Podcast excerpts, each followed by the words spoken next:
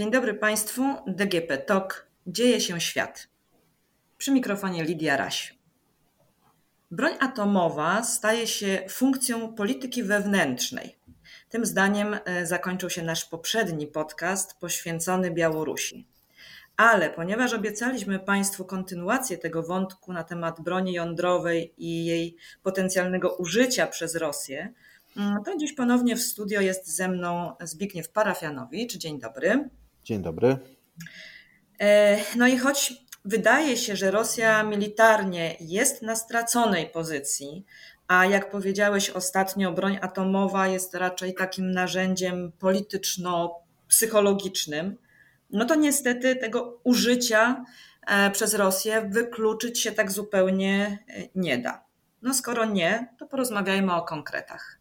I pierwsza kwestia to Wyjaśnij nam proszę, czym tak naprawdę różni się broń taktyczna od strategicznej, bo e, myślę, że to może mieć kluczowe dla nas znaczenie.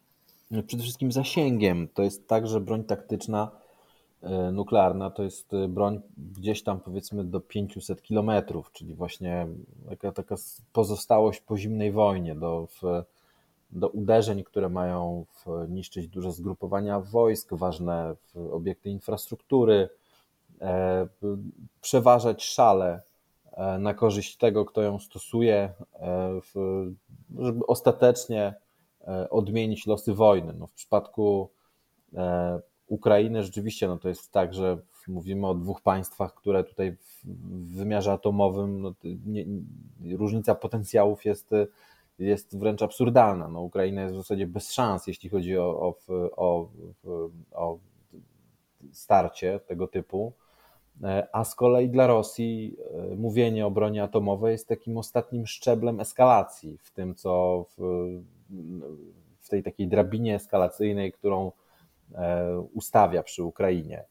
E, ale jeśli chodzi o tą różnicę, jeśli chodzi o broń strategiczną i taktyczną, no to jest to przede wszystkim różnica zasięgu. Broń strategiczna to, to, to, to, to broń, którą e, miałyby walczyć ewentualnie w zimnej, w, w zimnej wojnie, która się przekształca w wojnę gorącą, supermocarstwa, czyli dawniej Związek Radziecki i Stany Zjednoczone. No to jest oczywiście taki wariant e, ostateczny, krótko mówiąc, końca świata, także no, no, też mało realny. E, a broń taktyczna to była broń, która miała służyć właśnie do rozbijania dużych zgrupowań wojsk e, przy uderzeniu Sowietów na, na zachód, też w zimnej wojnie, a teraz jest to straszak, wygodny straszak Putina na Ukrainę e, i szantaż Zachodu i straszenie Zachodu. E, zakładając, że zapada taka decyzja, e, Rosja chce zdetonować e, ładunki, to jakie miejsca wybiera się na tego typu operacje? Znaczy, mi się wydaje, że jeżeli taka decyzja zapadnie, miejmy nadzieję, że nigdy taka decyzja tak. nie zapadnie, to, no, no to, to, to, to będzie jakaś taka forma eskalacji poniżej e, takiego klasycznego rozumienia użycia broni atomowej, czyli zastosowania brudnej bomby, e, zastosowania jakiejś prowokacji w którejś z elektrowni atomowych ukraińskich, bo w gruncie rzeczy, no mimo tego szaleństwa Putina, e, tak jak powiedział Biden, no on przekombinował w wojnie z Ukrainą, ale mimo wszystko pozostaje politykiem racjonalnym, także musi rozumieć, że to użycie nawet poniżej progu wojny broni atomowej może się zakończyć nieprzewidywalnymi konsekwencjami, ale jeżeli miałoby już do czegoś takiego dojść, to, to zostało opisane w 2008 roku, czyli na 5 lat przed Majdanem i 5 lat przed aneksją Krymu, 6 lat, przepraszam, e, w, w, takim opracowaniu mechaniczna pomarańcza przez analityków, którzy są bliscy, e, byli bliscy Glebowi Pawłowskiemu, czyli też dawniej takiemu technologowi politycznemu, który był skojarzony z Kremlem. To ja przeproszę, e... tylko małe wtrącenie uczynię, że kiedy rozmawialiśmy poprzednio, e, to też właśnie ta nazwa dokumentu padła i zainteresowanych Państwa bardzo zapraszamy do odsłuchania także tego poprzedniego odcinka e, i historii właśnie o mechanicznej pomarańczy, bo jest ona niezwykle interesująca. Tak, i no ona opisuje właśnie zastosowanie broni atomowej e, w, w, takich kategoriach, które nie mieszczą się w definicji wojny, wojny nuklearnej, czyli odpalenia, krótko mówiąc, pocisku, odpalenia e, w ładunku w stratosferze po to, żeby ten wybuch zastraszył Zachód w stratosferze nad Czarnobylem, gdzieś w okolicach zachodniej Ukrainy, tak aby, aby Zachód zastraszyć. Niedawno o tym wariancie w, z, z, udziałem w elektrowni w Czarnobylu, która też jest takim symbolem największej katastrofy nuklearnej w historii świata, e, takim memento atomowym, e, o tym wariancie zastosowania sabotażu w, w Czarnobylu mówił jeden z e, białoruskich opozycjonistów.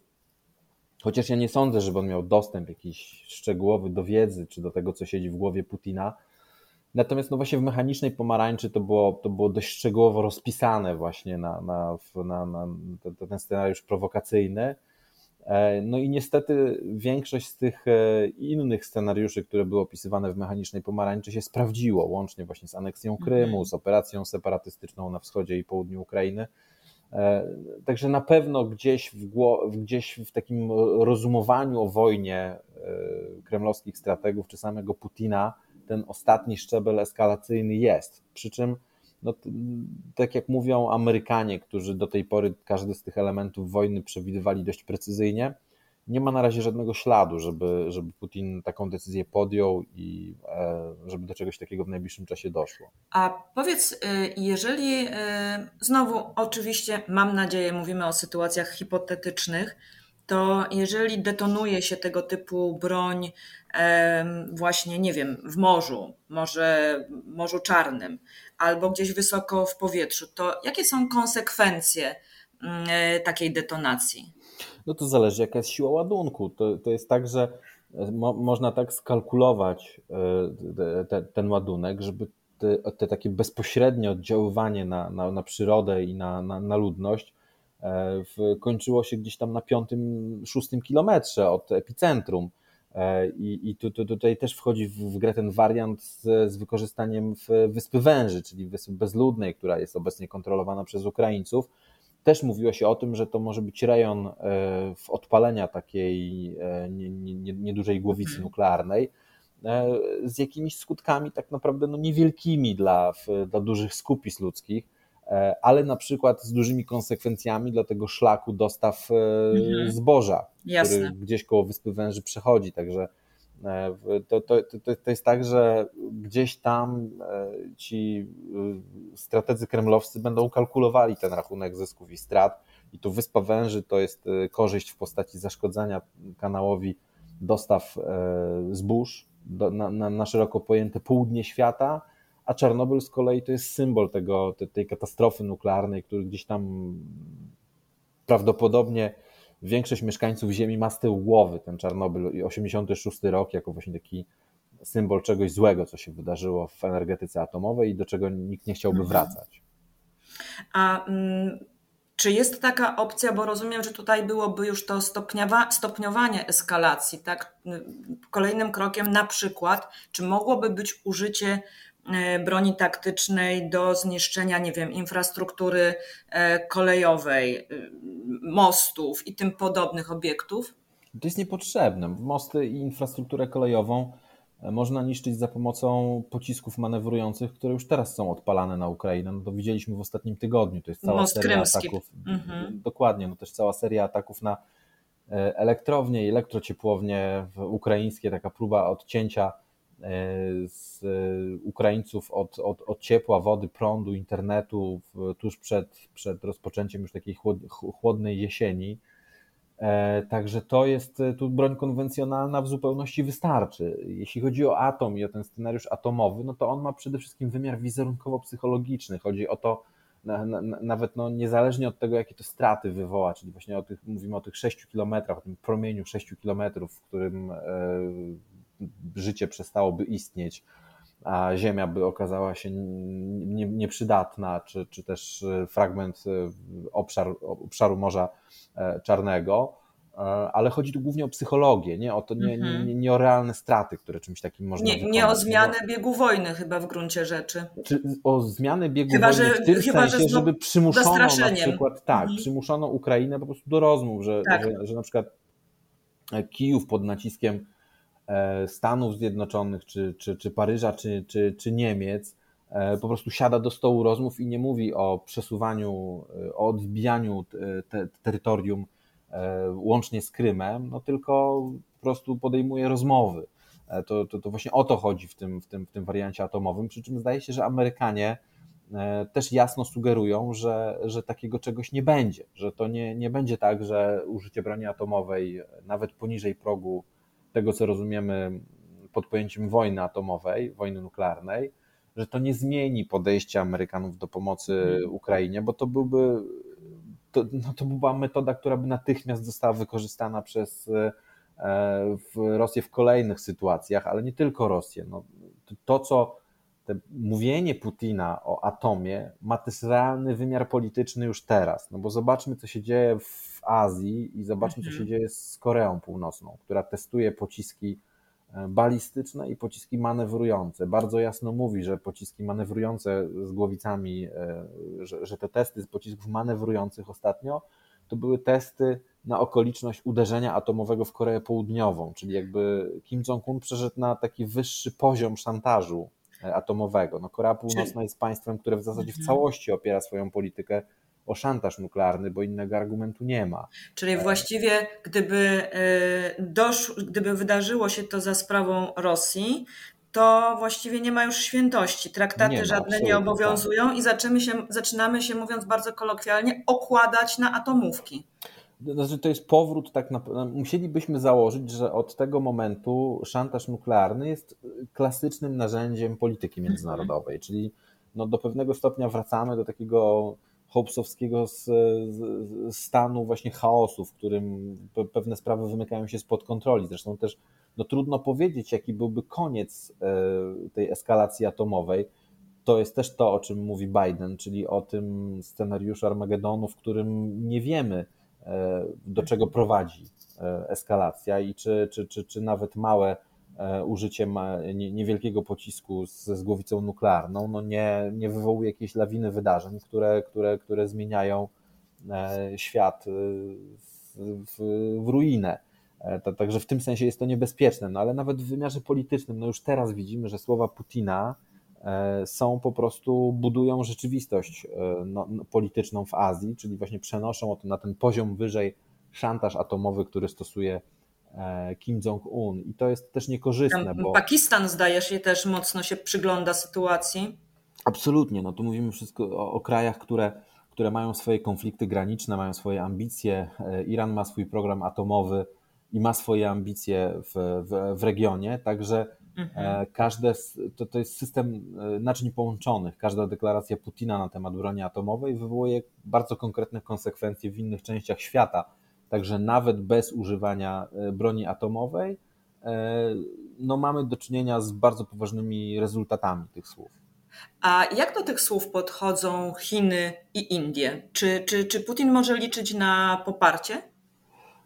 Nie, to, to, to, to jest właśnie największy problem Putina, że mu odpływają e, tacy e, pivotalni sojusznicy, na których mógł przynajmniej retorycznie liczyć na początku wojny.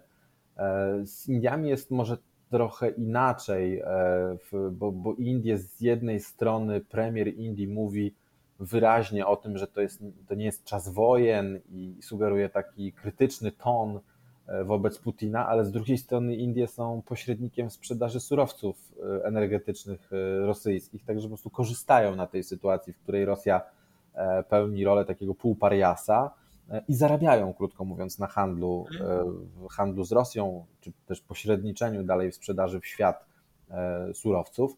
Chiny z kolei e, no, zmieniły tą retorykę. Na początku wojny były zainteresowane tym przetestowaniem tego, jak zareaguje Zachód, poobserwowaniem tego, co się wydarzy na Ukrainie, żeby móc to przełożyć na swoje porachunki z Tajwanem, ale z biegiem czasu, wraz z przedłużaniem się tej wojny, e, no, nie są zainteresowane, krótko mówiąc, wymiarem gospodarczym e, na świecie wojny, czyli w zamieszaniu też na rynku z surowcami energetycznymi, w zamieszaniu inflacyjnemu, recesji, no to wszystko jest, to są wszystko scenariusze, które, które, dla, które dla Pekinu nie są atrakcyjne.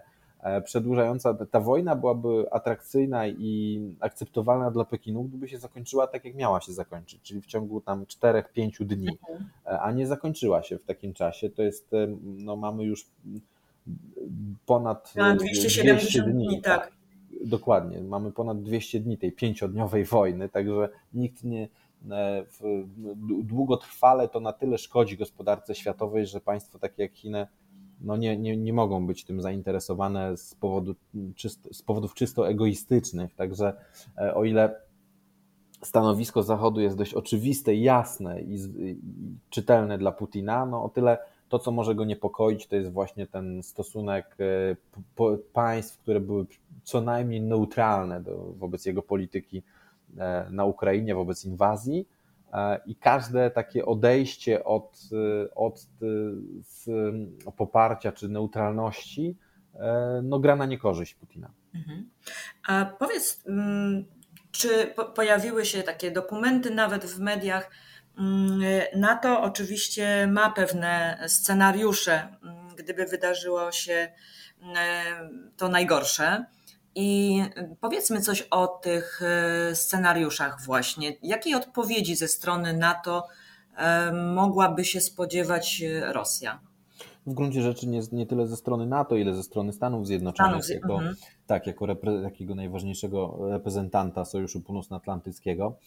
No, o, tym, o tym scenariuszu wspominał Petraeus, czyli były szef CIA, który powiedział o zniszczeniu konwencjonalnym wszystkich sił które, konwencjonalnych rosyjskich, które znajdują się na Ukrainie łącznie e, z całą flotą czarnomorską. No to mhm. byłby cios bolesny, rzeczywiście, to tylko też no, tutaj mówimy o sytuacji, która nie wiadomo jakby ta eskalacja dalej się potoczyła. Chociaż z drugiej strony rzeczywiście no, Rosja wygląda na, na tyle osłabioną, że nie wydaje się, aby mogła w jakiś racjonalny sposób, konwencjonalnie e, zareagować i w taki sposób, który byłby dla niej korzystny. No to zniszczenie sił rosyjskich, całkowite zniszczenie sił rosyjskich na Ukrainie i, i, i na Morzu Czarnym, no oznaczałoby po prostu najpewniej e, no, no już taką e, oczywistą porażkę Rosjan na, na, na, na Ukrainie. Amerykanie mają wiedzę o tym, gdzie te jednostki rosyjskie się znajdują, gdzie są zgrupowania wojsk.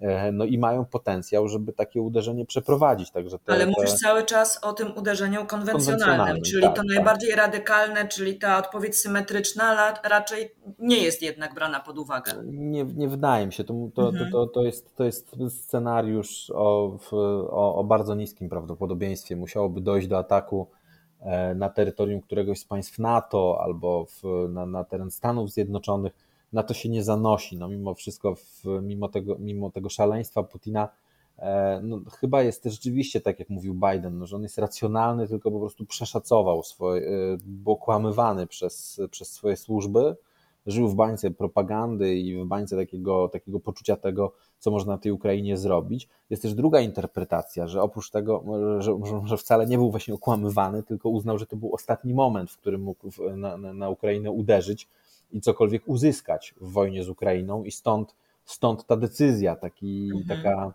e, ruletka, hazard, w który zaryzykował albo teraz, albo nigdy. E, ale jeżeli rzeczywiście jest tak, jak mówi, mówią Amerykanie, czyli jeżeli Putin jest racjonalnym politykiem, no to to jest, to jest w sumie optymistyczny sygnał e, również dla tych wariantów atomowych. A to w takim razie, czy na przykład ostatnie zdarzenia wpisują się trochę w tę narrację racjonalności Putina. Ostatnio rzadko mówiliśmy o tym, że to jest y, racjonalny y, polityk, no ale mm, słyszymy o jakichś propozycjach Turcji znowu dotyczących negocjacji. Słyszymy wypowiedzi Ławrowa, który mówi, że udzielił wywiadu rosyjskiemu tygodnikowi i, i, i zaznaczył, że Rosja absolutnie nie planowała uderzenia atomowego. Niektórzy mówią nawet, że te zakulisowe rozmowy toczą się mm, jeszcze na innym poziomie i stąd ta wrzutka Ilona Maska, która spotkała się z taką krytyką. Czy to jest tak, że w te propozycje negocjacyjne rosyjskie znaczy, trudno to postrzegać jako próbę wypracowania e, trwałego rozwiązania pokojowego dla Ukrainy. To jest raczej kupowanie czasu, kupowanie czasu, aby odnowić siły i i spróbować jeszcze raz. No, bo to jest tak, że podjęcie takich rozmów pokojowych, no to ciężko by było to sprzedać w Rosji jako, w, w, jako sukces. No należałoby uznać, że wojna jest przegrana i tutaj ze strony tego betonu bezpieczniacko-wojskowego Putin musiałby się liczyć z opozycją ze strony tego betonu. E, I jest tak dokładnie, jak mówił Włodzimierz Marciniak, czyli był ambasador Polski w Moskwie. No w Rosji nie ma niestety środowisk, które by były liberalne w stosunku do Ukrainy i patrzyły na na Ukrainę jako na państwo, które, które ma prawo do samostanowienia, do, do uprawiania własnej suwerennej polityki, tam są skrzydła po prostu mniej lub bardziej radykalne, antyukraińskie i przeciwne państwowości ukraińskiej. Może mamy... być ktoś bardziej radykalny niż Putin? E, wydaje mi się, że znajdą się takie osoby w, mhm. w Rosji. No to jest cały ten właśnie E, jeżeli popatrzymy na tą blogosferę, czy na te konta na Telegramie prowadzone przez ludzi takich jak Girkin, czy przez e, te, te, te troli związanych e, z Prigorzynem, tam się pojawiają poglądy znacznie bardziej daleko idące niż to, co, to, co, to, to, co mówi Putin, oczekujące, że on pójdzie dalej, że, że będzie równał ziemią Ukrainę. No oczywiście to są też te, te, te groźby, no one niekoniecznie muszą mieć pokrycie w rzeczywistości, bo E, Putin też nie może w nieskończoność używać pocisków manewrujących czy pocisków balistycznych, bo też jest e, skończona e, ilość tych, tych, tych pocisków. Poza tym to jest bardzo droga wojna, on musi te, też te koszty liczyć. No właśnie, chciałam o ten, o, ten, o ten biznesowy wątek wojenny zapytać. Czy on ma jakieś znaczenie i, i, i czy na przykład wśród scenariuszy E, odpowiedzi na, na e, użycie bomby atomowej byłyby na przykład rozważane nie tylko użycie broni konwencjonalnej, ale na przykład jakieś jeszcze dalej idące mm, ograniczenia ekonomiczne.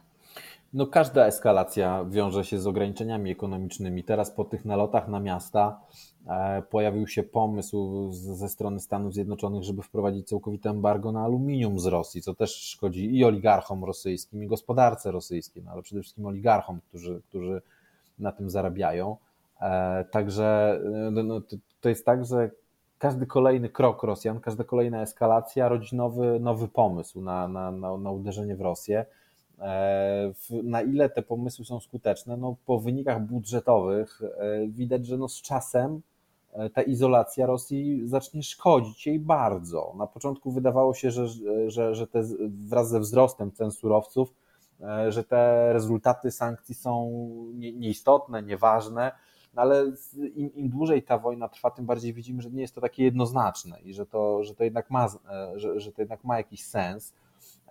W, także nie należy tej w, postrzegać sankcji tylko przez pryzmat jakiejś symboliki, tego, że Rosja jest super odporna na nie.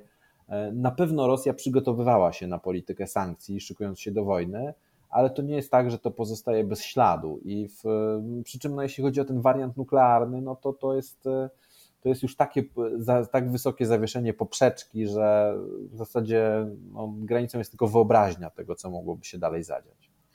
A co to jest szatan 2? No szatan to taki pan z czerwoną buzią, który ma rogi, ogon i, jest zły. E, ale tak e, na, na, poważnie, no to jest pocisk balistyczny, zresztą paradoksalnie wyprodukowany w dawnym Dniepropietrowsku, czyli w dzisiejszym Dnieprze, bo e, Ukraina w, jako mm, element Związku Radzieckiego w latach 80. szczególnie, no ona była mózgiem tak naprawdę Sojuza. To tam się mieścił mieściły naj, mieścił najbardziej atrakcyjny przemysł wojskowy, rakietowy. E, także ten, ten pocisk balistyczny, z którego Rosjanie korzystają i którym straszą świat, no paradoksalnie powstał w fabryce, w której swoją karierę zaczynał drugi prezydent Ukrainy, czyli Leonid Kuczma. E, I, i, i no, to, jest, to jest coś dzisiaj, co ma e, sugerować, że, że świat powinien się bać. Chociaż jak Rosjanie mówią, wymieniają nazwę tego pocisku i próbują sugerować światu, że to jest to zło, które spotka świat, jeśli, jeśli będzie cisnął Rosję na Ukrainie, e, no to eksperci podkreślają, że tak naprawdę trudno powiedzieć, w jakim stanie technicznym jest ten. Ta, ta, ta, no Putin twierdził, że jesienią będzie gotowy. no, w, ale to jak rozumiem jakiś kolej, kolejny element modernizacji tego, tego pocisku, no bo tak jak mhm. mówiłem, technologia tak naprawdę pochodzi z lat 80. I, i, i powstała w, na Ukrainie paradoksalnie, także to jest, to, to jest dość śmieszne. Zresztą wracając właśnie do tego mózgu, jako Ukrainy jako mózgu Sojuza, jeśli chodzi o produkcję rakiet czy różnego rodzaju broni, no to, to też pokazuje, jak, jak myślimy o tym, no to też pokazuje, wyjaśnia motywy, dla których Rosja e, próbowała podbić Ukrainę. Po 2014 mhm. na przykład e, Ukraińcy w dużej mierze zawiesili współpracę z Rosjanami w dziedzinie budowy śmigłowców. Rosjanie nie są w stanie wyprodukować wyrafinowanych śmigłowców szturmowych bez technologii i wiedzy, którą mają Ukraińcy w, w zakładach w Zaporożu E, e, budujący silniki do śmigłowców, czy też do samolotów e, międzykontynentalnych, samolotów transportowych. Dlatego też tą fabryką w, w Zaporożu były, były zainteresowane też Chiny, które chciały zbudować samolot, który byłby odpowiednikiem takiej maszyny, na przykład jak amerykański C-17, do przerzucania między kontynentami wojsk i towarów. Także no, to, to, pokazuje, to też wyjaśnia, dlaczego tak bardzo, dlaczego takiego wielkiego fioła na punkcie Ukrainy ma, w, ma, ma mhm. Putin i cała elita polityczna rosyjska. A jeszcze Cię dopytam, ten, że Szatan 2 w przygotowaniu, to jest, to jest broń właśnie strategiczna? Tak, to są, to są pociski dalekiego zasięgu e, i to jest e, straszak, który ma Mm, który ma być używany w stosunku do supermocarstwa, jakim są Stany Zjednoczone. Czyli rozumiem, jego zasięg jest taki, że Stany potencjalnie byłyby zagrożone. E, tak. Mhm. To na koniec mam takie pytanie. Mm, przygotowując się do naszej rozmowy, przesłuchałam informacje na portalach mm, ukraińskich i, i tam pojawia się, i teraz pytanie, propagandowo czy osadzone w realiach, takie przekonanie, że zobaczycie, listopad to będzie punkt zwrotny. Jak byś to ocenił? Czy to jest tak, że rzeczywiście tam widać pewne ruchy ze strony, ze strony rosyjskiej. No, też pisaliśmy w DGP o, tym, o tych dostawach paliwa, które o ilościach paliwa, e, które są porównywalne, te, te, ten, ten wolumen paliwa, który jest dostarczany do obwodów graniczących e, w, z Ukrainą albo też na tereny okupowane na Ukrainie, no on przewyższa już w tej chwili dostawy, które były prowadzone w lutym, czyli przed rozpoczęciem inwazji na pełną skalę. Tak rzeczywiście to może sugerować przygotowanie do, do, do czegoś większego, ale z drugiej strony, no pytanie, czy, czy obiektywnie Rosja ma takie możliwości, no bo to, to, to jak śledzimy tą mobilizację, no nie widać, żeby te możliwości, te możliwości były. Ten, ten Ale y, y, tu raczej bardziej wydźwięk szedł w tym kierunku, że to będzie ten punkt zwrotny, punkt zwrotny z korzyścią dla Ukrainy, że, że tutaj faktycznie dojdzie do przełamania e, sił rosyjskich. Jeśli Ukraińcom uda się rzeczywiście e, wykonać, znaczy dopiąć przerwać połączenie lądowe pomiędzy Rosją a Krymem, mhm. czyli powiedzmy na zachód od Mariupola wyrąbać taki korytarz ziemi, który to połączenie lądowe przerwie, to tak, to będzie można mhm. mówić o, o, o, przełomie i o tym, że, że mamy do czynienia, no już teraz możemy mówić o tym, że Rosja tą wojnę przegrywa, ale przerwanie tego e, korytarza lądowego, no to to jest porażka już e, absolutna. Zresztą o tym też pisał na swoich e, kontach w Telegramie Girkin, czyli właśnie ten był mhm. ten, ten przedstawiciel pierwszych elit separatystycznych na Donbasie z 2014 roku, no, że to będzie można porównać do porażki Rosji w, w wojnie 1905 roku i mówił nawet o wariancie rewolucyjnym, który mógłby się pojawić po, po czymś takim jak właśnie przerwanie korytarza lądowego e, z wy, e, wyrąbanego przez Rosjan w tej pierwszej fazie wojny z Rosji na Krym to jest jedyny tak naprawdę taki realny punkt, e, punkt tego programu wojny, który można przedstawić jako sukces strategiczny, to takie przebicie korytarza lądowego, zdobycie Mariupola. Jeżeli Ukraińcom uda się jesienią e, to, ten, ten, ten sukces zamienić w porażkę, to chyba rzeczywiście będzie można mówić o, e, o absolutnej porażce Rosjan. No to niech to będzie puenta dla naszej dzisiejszej rozmowy. Bardzo Ci dziękuję. Dziękuję.